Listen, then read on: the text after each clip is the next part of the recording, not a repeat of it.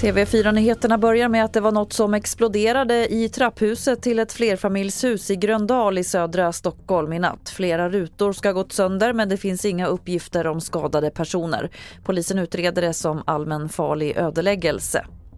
Och vi stannar kvar i Stockholmsområdet. För natten till idag ska en man ha blivit knivskuren i en lägenhet i Sundbyberg. Mannen fördes till sjukhus. Det är oklart hur allvarligt skadad han är. En man ska ha gripits och han är misstänkt för mordförsök. Från och med idag börjar den nya terrorlagstiftningen gälla i Sverige.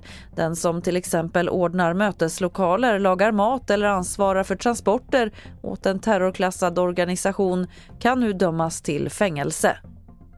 Vid sitt besök i Luleå berömde USAs utrikesminister Sverige för att ha lyssnat på Turkiet och infört skarpare terrorlagstiftning.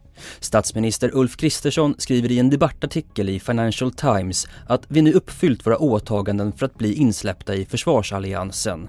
Från och med idag kan deltagande i terroristorganisationer straffas med upp till åtta års fängelse.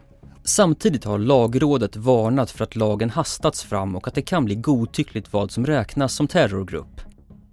Reporter här var Axel Ellung. Och fler nyheter finns på tv4.se. Jag heter Lotta Wall.